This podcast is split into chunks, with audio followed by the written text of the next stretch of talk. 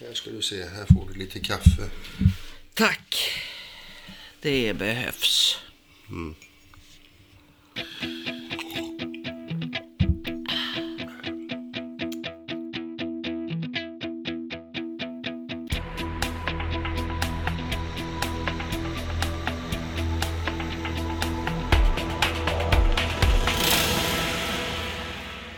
Det här är Peter och Maria. Det här är Peter och Maria.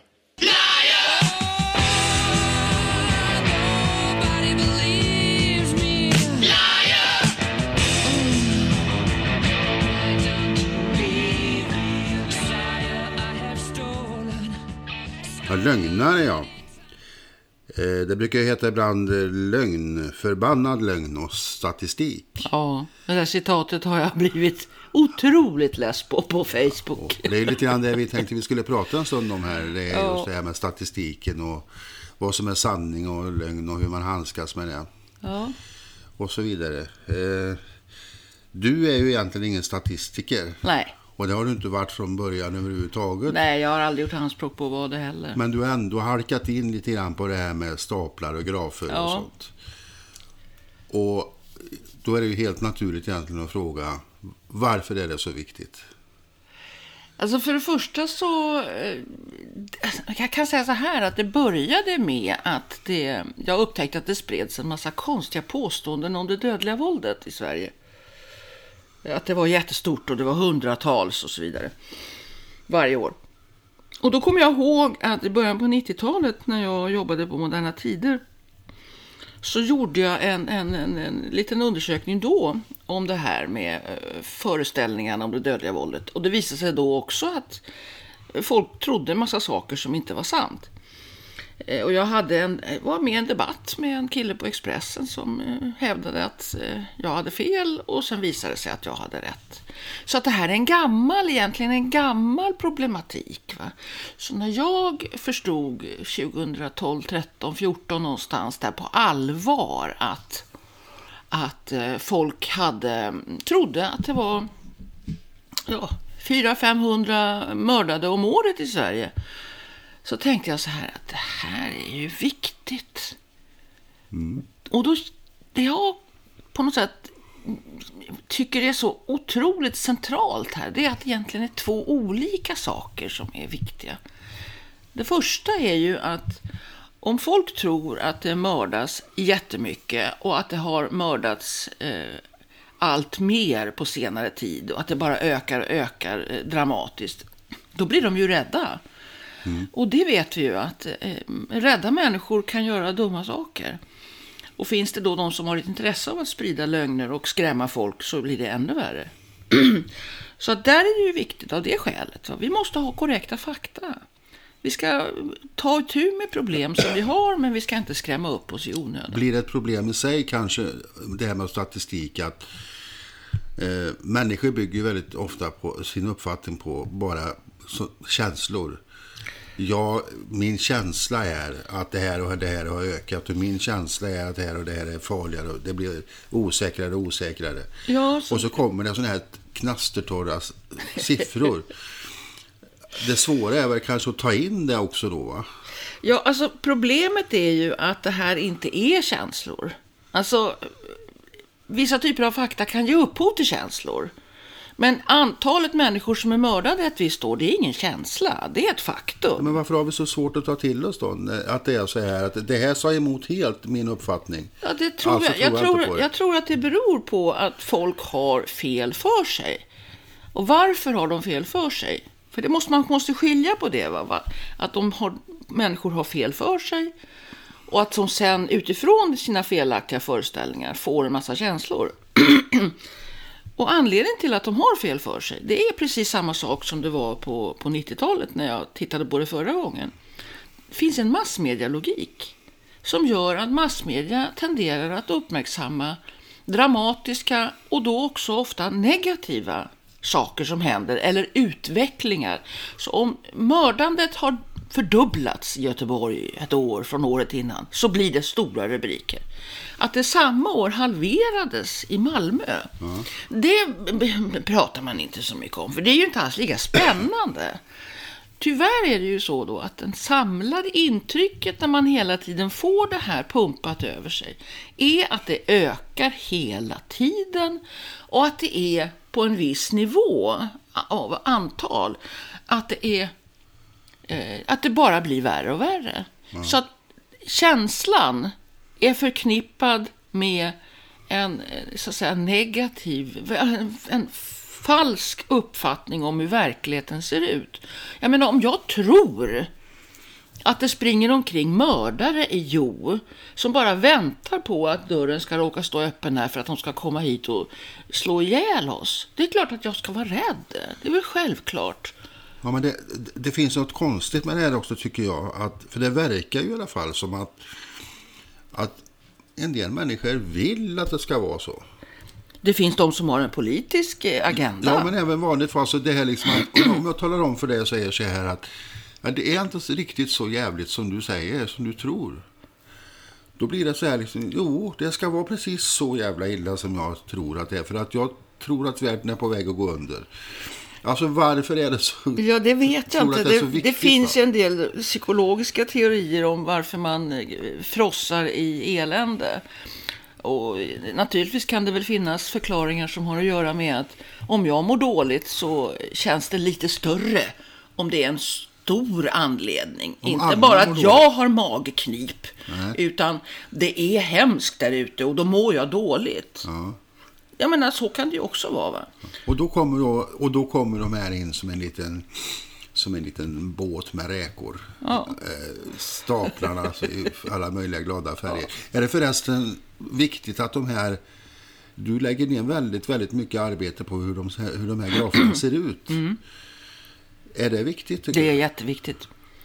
Varför? Alltså, det centrala här är ju att eh, statistik, det är därför jag tycker så illa om det där med lögn, förbannad lögn och statistik. Statistik är ett språk. Och nu måste man ju skilja då på så att säga, statistiska undersökningar och statistisk vetenskap där man gör urval och det finns eh, signifikansnivåer och så vidare. Sånt håller inte jag på med. Jag redovisar bara eh, officiell, eh, officiella källor, vad de berättar. Ja, du, egentligen så plockar du ihop siffror. Det är vem som helst som Ja, kan hitta det de är öppet för vem som helst att plocka fram. Va? Jag sätter bara samman det. Och då är det, eftersom då statistik i den här formen som jag gör, nämligen grafer, där är det statistiska språket bildmässigt. Alltså om du gör en lista med siffror, där siffrorna först stegras och sen minskar, så är det, det, det, är, det är så tråkigt så att klockorna stannar. Ingen människa kan ta till sig det, den informationen. Men om du istället gör en, en, en eh, graf där du ser en höjning, en, en båge, så kan du förstå att under det här året, under 1970 till, 19, till 2018, så ökade det och sen minskade det. Va?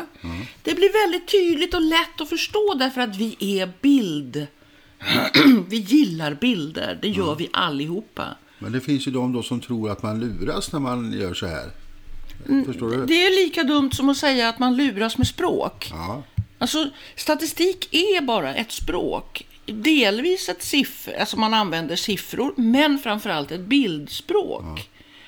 Eh, när man nu pratar om grafer och diagram och så, det är ett bildspråk och då är det lika dumt att säga att statistik ljuger som att säga att språk ljuger. Nej, det är människor som kan ljuga med språk eller människor som kan ljuga med statistik eller som kan ljuga med grafer eller diagram. Men då får de också samtidigt ha felaktiga siffror. Ja,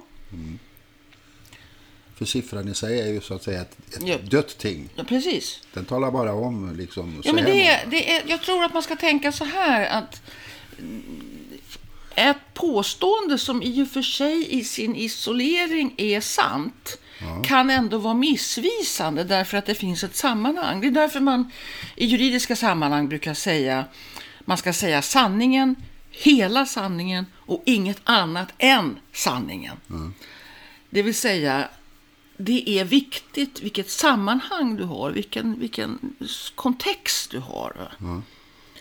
Och eh, jag tror att, jag menar, det finns en massa med exempel på när det här kan bli fel. Men det, det grundläggande är att det är inte statistiken eller grafen eller diagrammen som ljuger.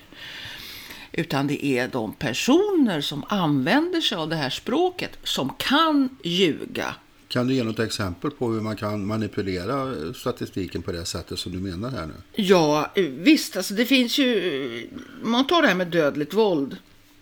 Så är det så att 2012 så hade vi den lägsta nivån i Sverige sedan eh, början på 60-talet. 68 människor eh, mördades det året. Och eh, dels är det rent faktiska siffror, en av de lägsta siffrorna eh, sedan början på 60-talet. Men tittar man på enligt, med, med, så att säga, med tanke på hur många vi, fler vi har blivit så är det alltså en dramatisk minskning det året.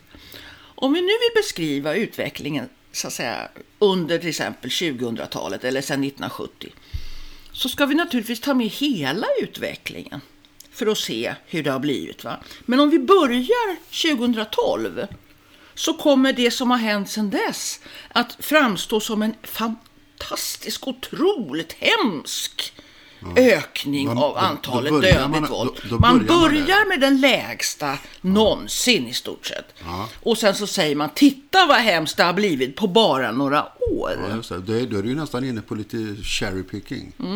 Då plockar man körsbär.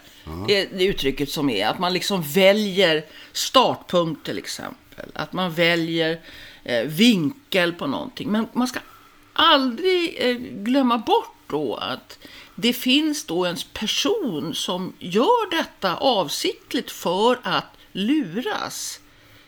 Och det är ungefär som att jag menar, om jag eh, säger någonting som är osant i vanlig svenska så skulle ju ingen av det dra slutsatsen att språket ljuger. Nej, det är jag som ljuger i så fall. Jag, jag skulle vilja jämföra detta lite grann kanske med poesi. Att man, man säger en sak fast man säger med, med vackra formuleringar och vackra ord så att det liksom mera ska gå in i hjärtat. Och då kan man inte säga så här att nej, du ljuger bara för att det är liksom så där säger man ju inte.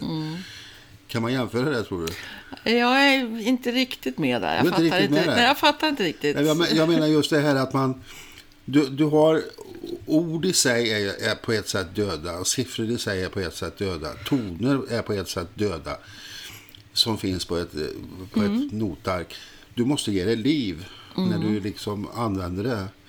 Och då menar jag att... Alltså, jag skulle säga parallellen med poesi fungerar inte riktigt därför att poesi har inte, gör inte anspråk på att påstå sanna saker Nej. om verkligheten. Men, men du vill presentera siffrorna på ett, på ett tilltalande vackert sätt så att Mm. det liksom blir lättare att ta till sig. Det kan man säga. Det var så jag menade. Ja, då, men då förstår jag. Ja, men det tror jag nog. Så skulle man kunna säga. Och likadant är det med ord menar jag. Att vill man kanske presentera det på ett mera delikat sätt så gör man något vackert av det. Istället Ja. för att bara säga så här att paragraf det och det har bestämts. Ja, men då, då, då, då kroknar man och Då- då, kan man, man- inte ta till sig av. det. Va? Ja. Ja.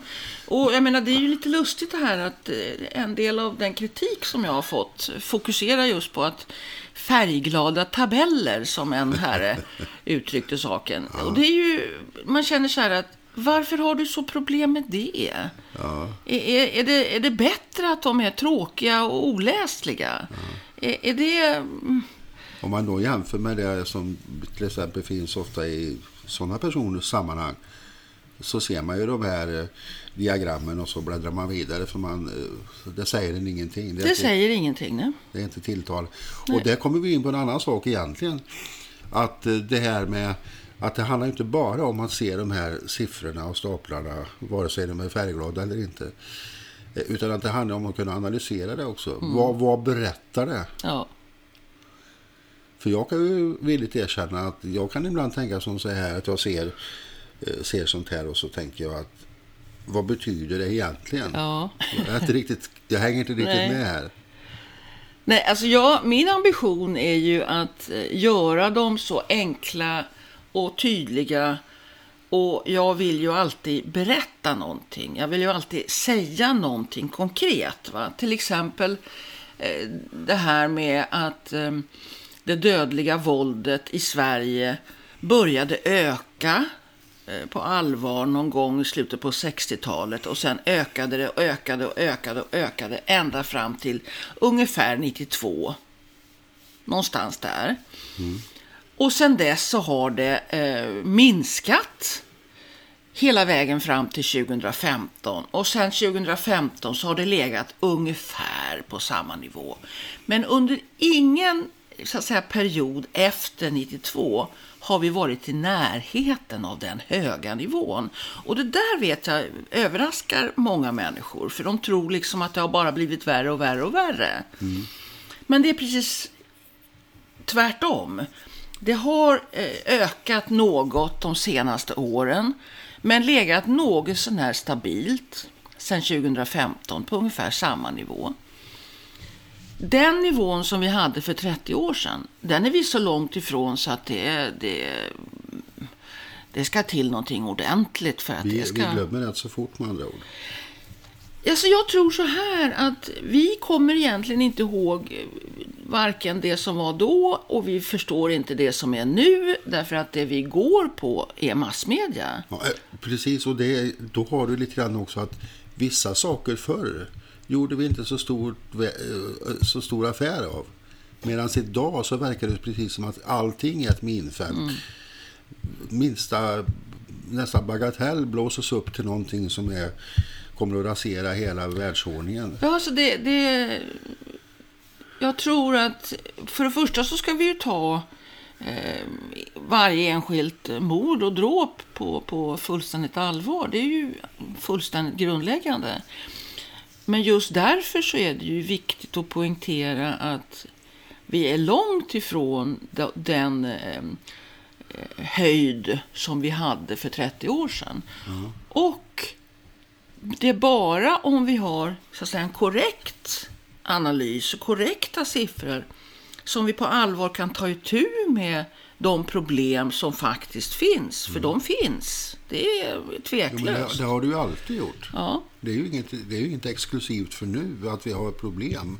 Ett samhälle utan problem existerar ju inte, har aldrig gjort och det finns inte någonstans. Nej, men jag kan ju tycka att om vi nu har en nollvision när det gäller trafikdöd så borde vi ju kunna ha en nollvision när det gäller mord. Det tycker jag borde vara precis lika självklart. Jo, men då måste man få människor att vilja sluta mörda. Ja, jo men jag menar nollvision. Jag menar nollvision är ju en vision, det är en ideal eller någonting som man, det borde man ju ha va? självklart. Men om du tänker på, om du tänker på att vi, vi, eh, vi matas ju helt, alltså det är väl en, egentligen en stor skillnad på nu och, och förr. Att vi matas ju hela tiden, dagligen. Eh, vi går in på Facebook eller vad det nu är va? och så efter bara någon timma så har vi fått en sån informationsboost så att vi blir alldeles matta. Vi vet allting om allt plötsligt liksom som vi har, och vi ska tycka om allting. va. Och då är det ju lätt att glömma bort det här att, att eh, hur såg det ut förr?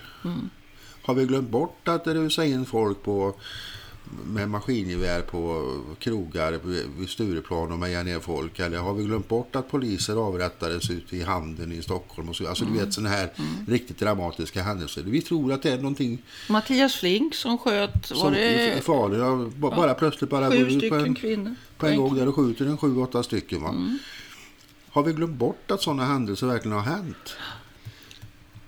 Och det är klart att just det året då så blir det ju givetvis fler mord i statistiken. Och där kommer vi ju in egentligen på en annan intressant sak då, det här som jag vet att eh, du har försökt att, att lära mig. Eh, jag som är total lekman på detta område. Att, att man kan inte blanda ihop procent Nej. och antal un, under ett visst eller under ett visst antal. Och det jag menar då det är just också detta som jag också vill komma till, det här med kontexten, med sammanhanget. Att man, man kan inte bara titta på ett ställe. Va? Nej. För då får du det här att eh, i eh, Trockelboda så mördas det en person. Och året därpå mördas det två. Och det är ju egentligen 100 procent. 100 procents ökning. Och, och gör du en stapel på det så är det så här, shit vad mord, mordfrekvensen har gått upp där va. Då måste man ju se det, hur ser det, ser det ut här under 10-20 år? Då ser du så här att det, ingen mördas. Det är bara ett, vid ett enda tillfälle. Alltså där har man ju fara med att inte se saken i ett perspektiv. Mm, måste- det, det finns ett väldigt bra exempel från den absolut senaste rapporten från Brå som illustrerar detta. Och det är att eh, antalet kvinnor som eh, mördas av sin partner mördades av sin partner, eh, alltså sin pojkvän, sin man, sin sambo och så vidare. Eller för detta sådan. Under eh, 2018 steg från 10 året innan till 22. Okej? Det är då Det är dubbelt. det är drygt dubbelt. Det är ungefär 120 procents ökning. Ja. Okej? Antalet män som mördades i en liknande nära relation, en partnerrelation, steg från en till fyra. Det vill säga, den ökningen var på 400 procent. Ställer vi dem bredvid varandra i procent räknat säger vi att ökningen när det gäller mord på kvinnor ökade med 120 procent. Mord på män ökade med 400 procent. Hoppsan! Nu har kärringarna blivit farliga. Ja, då ser man liksom... Nu vet du, nu börjar de mörda hej vilt. Men det handlar om en ökning från 1 till 4 i ena fallet och i andra fallet från 10 till 22. Ja. Och det här, det vi ska lära oss av det här, det är, och det skulle jag vilja uppmana alla. Använd aldrig procent om det handlar om antal under 100. Alltså en till två är inte 100 procent utan det är en fördubbling möjligen. Eller det är en till två. Ja. Eh, procent passar bäst när det är lite högre siffror. Då kan vi ha användning av Ja, procent. för, då, för det säger inte så mycket om det ökar från 100 000 eh, 253 till eh, 101 798. Nej. Det säger inte ett skit egentligen. Nej. Och då kan procenten vara bra. Då kan procenten vara bra. Va? Men vi har fullt, eh, full kompetens att bedöma att ökningen från 10 till 22 det är ganska en substantiell ökning. Va? Det är väldigt många, det är mer än dubbelt. Det behöver, vi kan säga bara så, mer än dubbelt. Men om vi då... Ökning från 1 till 4 det är också en ganska kraftig ökning men det är ändå ganska få i slutändan. Va? Men om vi då lutar oss tillbaka där och tar ett djupt andetag och tittar och så ser vi det liksom att, ja, alltså nu vet jag inte om det är så, men bara som ett exempel, att vi ser att det här hände under ett år. Före och efter är det inte så här. Alltså förebådar det inte någon, något samhällets undergång. Att man, liksom, att man själv kan ta sig ur den här analfa, analfabetismen som finns när, det, när det gäller statistik.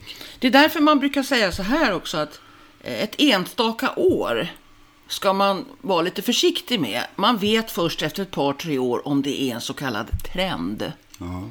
Det, det var en ökning i Sverige från 2014 till 2015.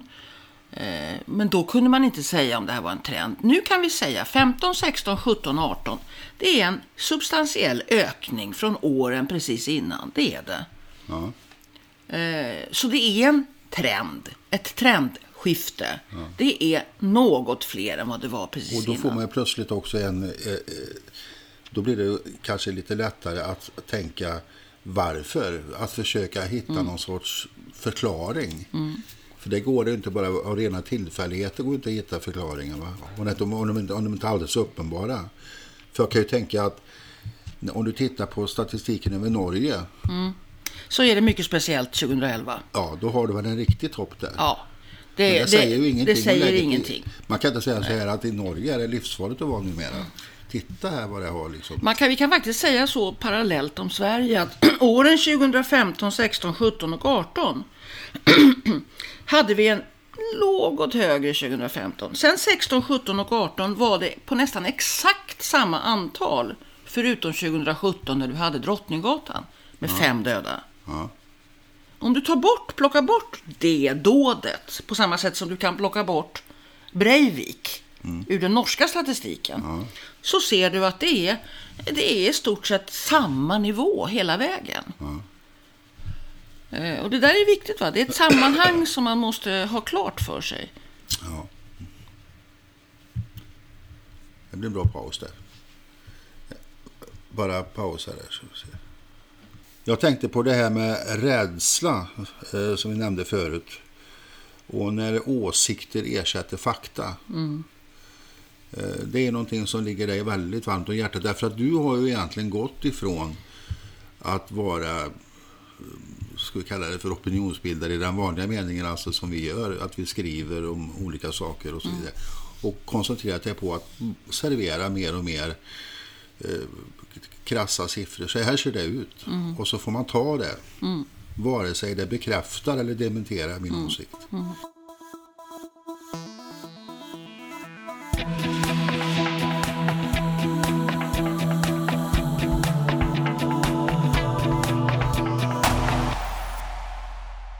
Men om du sätter det emot det här, ställer detta emot rädslan som finns alltså. Alltså jag tror att det finns två olika motiv till att eh, tycka att det är viktigt med fakta. Det ena är själva sakfrågan, va, som när det gäller dödligt våld. Va. Om, om människor får fel för sig så blir de rädda och sen så fattar de konstiga beslut och sen eh, gör de konstiga saker. Alltså människor i panik agerar inte bra. Va. Det är det ena. Det andra är att när de som har ett intresse av att skapa en sån här oro eh, också driver uppfattningen att det är ingen skillnad på åsikter och fakta. Vi har ju det tydligaste, tydligaste exemplet på det har vi ju i Trump och hans, hans omgivning. Va? Det var ju där som man på allvar sa att det finns alternativa fakta och så vidare. Ja. Det är för mig Ja mycket allvarligare. Det är egentligen kärnan i varför jag tycker att det här är så viktigt att hålla på med. Alltså jag kan ju, jag menar egentligen så kan man ju hänvisa bara till alla de här källorna som jag eh, bygger på. Va? Det kan vara BRÅ, det kan vara Socialstyrelsens dödsorsaksregister och det kan vara eh, SCB och så vidare. Men eftersom det här är så viktigt att skilja knivskarpt mellan det som är sant, beskriver verkligheten korrekt och det vi tycker om verkligheten. Att vi verkligen håller den rågången knivskarp. Va? Får absolut inte blanda ihop de här sakerna. Så blir det också en sorts ständig kamp mot de som säger att det spelar väl inte så stor roll. Jag kan väl få tycka vad jag vill. Och om jag känner så här, det vill säga de bluddrar ihop allt som har med känslor och åsikter och fakta i en enda gröt. Och det är det vi ska verkligen kämpa emot. Va? Och där kan jag känna att det där har inte med partipolitik att göra. Möjligen undantagande Sverigedemokraterna som verkar leva på att man blandar ihop de här sakerna. Eh, Men i övrigt så har jag inte sett några tendenser till att de andra partiernas företrädare inte håller med mig om detta. Att men vi då- ska hålla isär fakta och åsikter. Men du har, du har ju problemet idag med att du har, du har så många olika eh, opinionsbildare. Du har bloggare och, och på Facebook och du har tyckare i alla möjliga sammanhang. Va? Och eh, det blir ju fakta ännu mer viktigt då, eftersom det, det finns så mycket som motsäger varandra och många som vill föra fram sin, sin ståndpunkt, sin hållning. Och mitt i allt detta finns det någonstans faktiskt en absolut sanning. Det Det är ungefär det. som det här med regnar det ute eller regnar det inte Precis. ute. Det, svaret på det är bara ja eller nej. Svaret är bara att titta efter och sen har du svaret. Ja. Vi kan inte rösta om det. Vi kan inte säga så här, jag tycker att det regnar. Ja. Jag tycker att det är soligt. Nej, men det kan vi inte va? Och det förstår minsta barn. Ja, men än- ändå är det ju så som diskussionen ofta är. Tycker jag. Mm, att vi kan, jag kan väl få tycka vad jag vill. Ja, du får tycka vad du vill, men du får inte ha dina egna fakta. För fakta är... Alltså, fakta är som en sorts stor jävla klump sten mitt i rummet. Ja, då- Som ingen kan rubba på, va? som bara står där. Och som vi måste här- förhålla oss Men då till. säger man ju så här liksom att eh, ja, ja, men de där siffrorna de kommer ju därifrån. Det vet man ju hur de är och så vidare. Va? När det är så jävla enkelt, ursäkta eh, svenskan, att mördas det tio stycken så mördas det tio stycken. Det spelar väl egentligen ingen roll vem som talar om det för dig. Nej. Hur svårt kan det vara? Jag förstår inte heller varför det där är, är så känsligt och varför det här är också, det är också del i det som jag tycker är viktigt. Va? Det är faktiskt inte vem som säger någonting, utan vad som Det sägs blir, men som det är blir det nästan något viktiga. religiöst över det. Blir det? Ja, visst, det blir det. Har min pastor sagt det, då är det sant. Har din sagt det, då är det bara... Men det är som att människor, inte alla, men alldeles för många, abdikerar från sitt eget omdöme. Eh, Det är som att det är bekvämt att säga, åh, nu har det sagts därifrån, det kan jag lita på, nu tar jag till med det. Va? Istället för att alltid ha liksom en liten sån här, skulle det kunna vara på ett annat sätt? Mm. Och så vidare. Hur har vi blivit, ursäkta mig, Det har alltid varit såna. Det är ingen skillnad tror jag. Alltså, jag tror inte det är någon avgörande skillnad. Det är bara att informationsmängden är så mycket större. Ja, det är klart det är ju det. Vi matas ju enormt med, Mm. med intryck och så ska vi förhålla oss till allt detta hela tiden. Och till slut är det precis som att hjärnan bara stänger av. Vi kan inte ta in. Ja, eller jag menar det här med att man lyssnar på vissa och inte på andra och så. Det har vi alltid gjort. Eh, och jag menar... Det här handlar ju egentligen inte om, om en vetenskaplig metod utan det handlar om en vetenskaplig attityd. Ja. Om man vill ha, eh, så att säga, för, försöka få reda på hur saker och ting är. Om man vill det. Om man vill få reda på om det regnar eller snöar eller blåser eller vad det nu är. Va? Så tittar man efter. Det gör man. Det gäller samma sak här. Om man vill få reda på hur det är så tittar man efter. Man kollar de källor som finns som är så att säga pålitliga. Va? Eh, och då måste man faktiskt kunna säga så här attans också, jag som hade velat gå och bada och nu snö, snöade. Men, men kan inte Man kan liksom inte säga så här, nej, jag bryr mig inte om, ja, i min värld så är det sol och varmt så jag går och badar i alla fall. Ja. Ja, det kan man ju göra visst, Det men, men då blir det ju liksom... Väder, det, det- finns bara dåliga kläder. Ja, men då blir man ju lite, lite frusen om man säger så. Ja. Men väldigt många människor gör så att de, de håller så känslomässigt fast vid sin förutfattade bild av hur någonting är. Så att om någon eller något, om verkligheten kommer in och bråkar och säger nej du har fel. Så säger de nej det har jag inte, jag har rätt. Ja, men då blir det som med Groucho Marx. Krångla inte till saker nu genom att komma dragande med fakta. Att man liksom, vi som hade det så skönt, vi var så, som var så överens, så kommer du dragandes med fakta här. Ja. Och ställer till allting. Ja.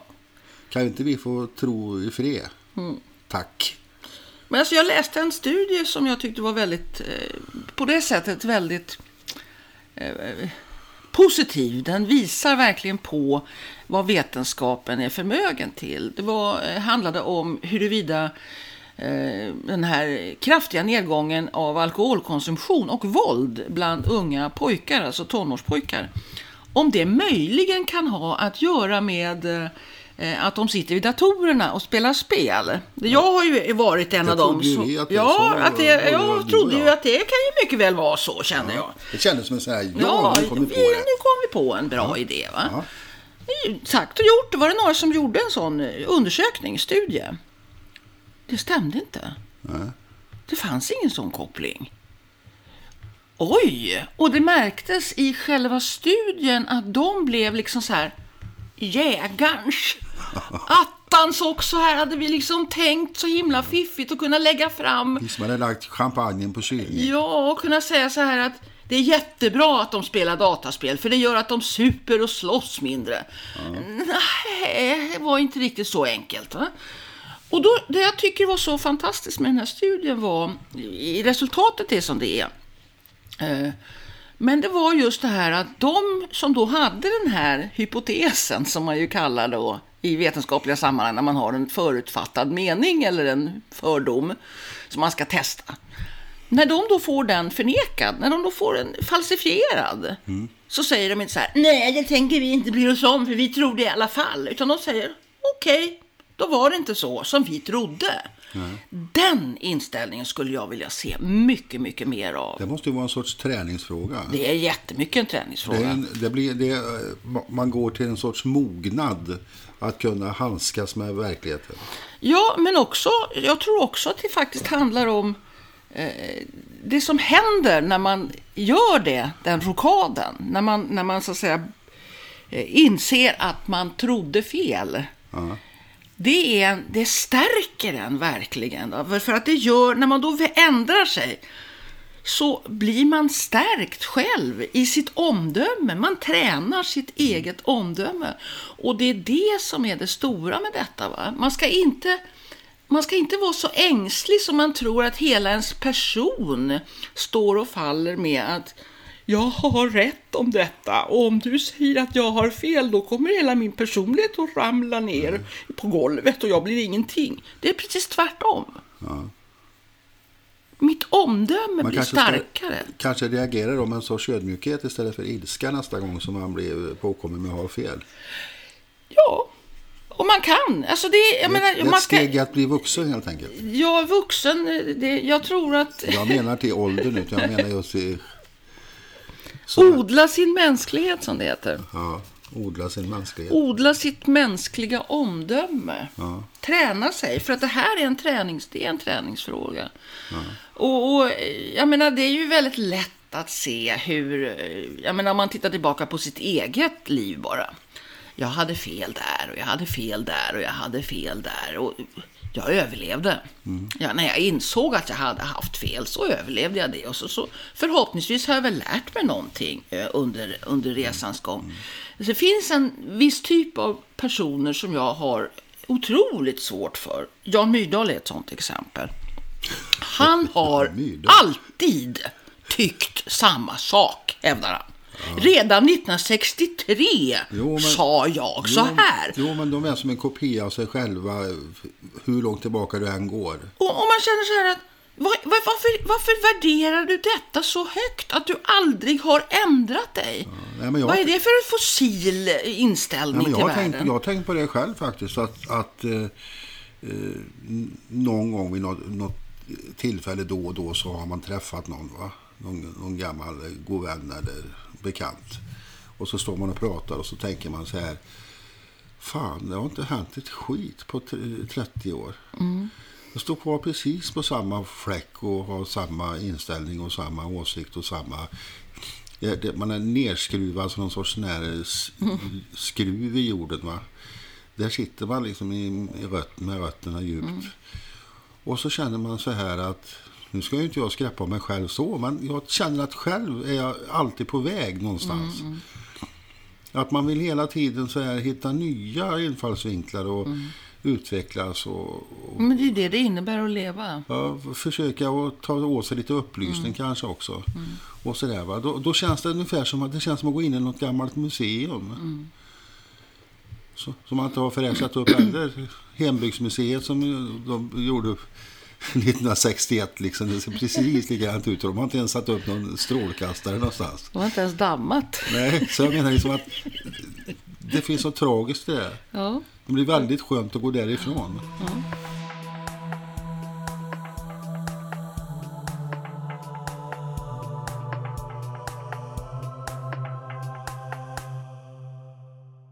Men att inse att det inte är farligt att ha fel. Nej. Att inse att vi har fel om ganska mycket, ganska ofta. Ja. Och att vi överlever att erkänna det för oss själva och för vår omgivning. Att ja, där tänkte jag faktiskt fel. Ja. Eh, nej, jag trodde att det där var ett bra argument, men det var det inte. Nej, det, får, tänka, får tänka lite till va, på det där. Eh, att ha den inställningen skapar också eh, människor som är lite mindre ängsliga och lite mera orädda inför att göra det som de kanske förut trodde att det där skulle jag aldrig våga. Man vågar och kan så mycket mer än vad man tror.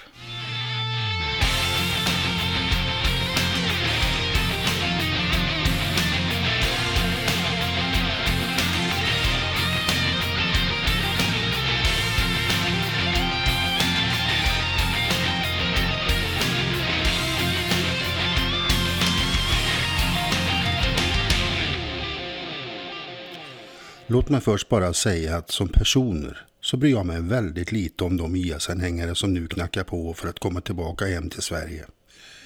Lika lite bryr jag mig om de svenska nazister som finns i Ukraina och skär halsen av folk. Jag kan, som det heter, couldn't care less. Men diskussionens vågor om dessa går nu höga, särskilt IS-anhängarna. De andra är det mer tyst om. Och det är lätt att känslorna tar över när man vet vad IS haft för sig där nere och vi reagerar rent spontant med hämnden ruvande under huden. Men vi riskerar att hamna i rasismens kvicksand och jag tänker här helt kort förklara varför jag tycker så. Utgångspunkten för min personliga hållning är och kommer så alltså att förbli respekt för Sveriges rikes lag i allmänhet och vår grundlag i synnerhet. Den tillsammans med vårt rättsmedvetande är grunden till vår rättsstat. Denna rättsstat ska se till att rättvisa skipas utifrån de lagar riksdagen har bestämt och även om det ibland kan kännas lite fyrkantigt så är det enda vägen att gå. För börjar vi rucka på rättsstaten så hamnar vi snart på samma sluttande plan som IS-kalifatet eller de stater vi ibland föraktfullt nedlåtande kallar för bananrepubliker. Skillnaden mellan våra samhällsbyggen definierar oss och den borde också varje svensk kunna känna en viss stolthet över. Här går det inte att behandla folk hur som helst. Här ska alla ha samma rättigheter. Ja, att så ibland inte är fallet så beror faktiskt inte alls på lagen i sig, utan på de människor som ska tolka den. Det är alltså den mänskliga faktorn, mer än den juridiska, som spelar roll när så inte sker. Min hållning om det här med återvändande IS-anhängare och dito-nazister är följande.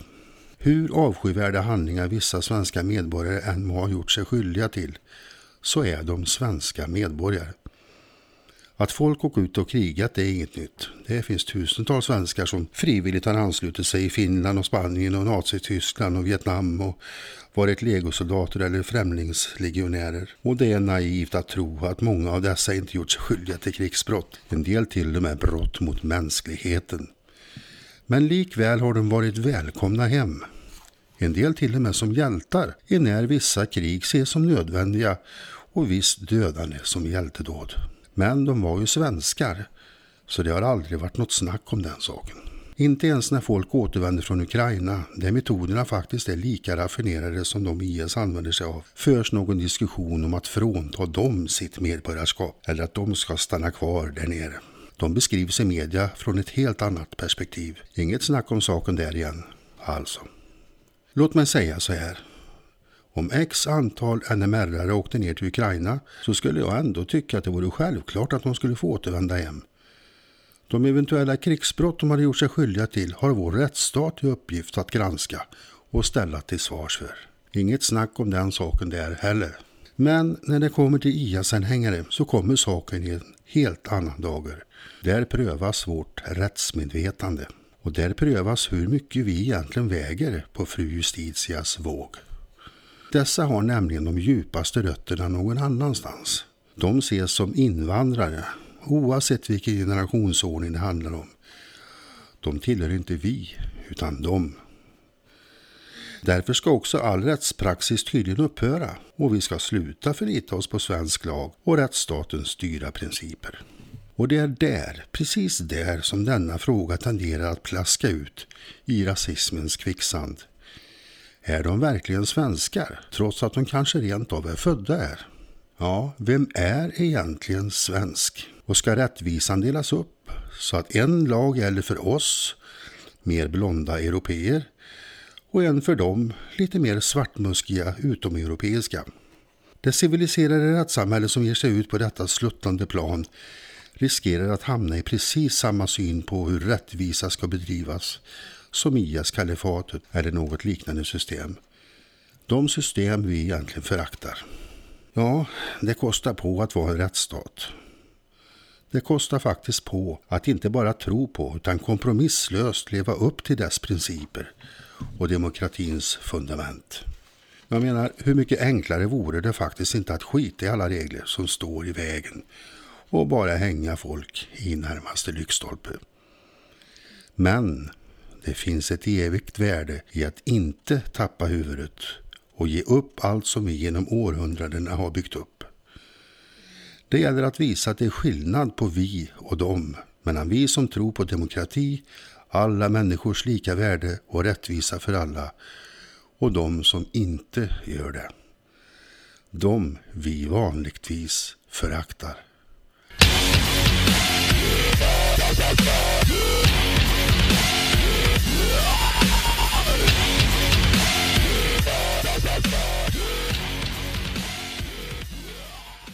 De flesta av våra sysselsättningar är fars.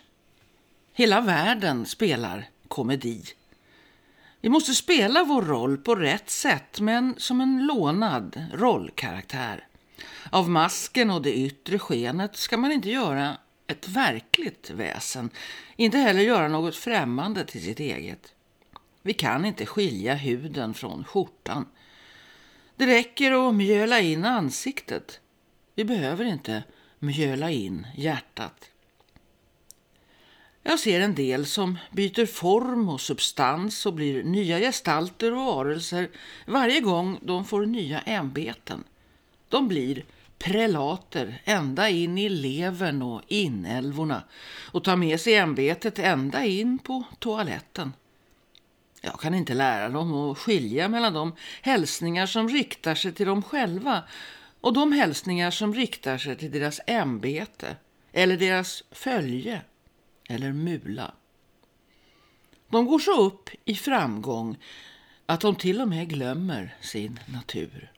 De blåser upp och förstorar sin själ och sitt naturliga tal så att de kommer i nivå med ämbetsstolen. Så skrev Michel de Montaigne 1500 88. Vi hörs nästa vecka. Spring och skrik.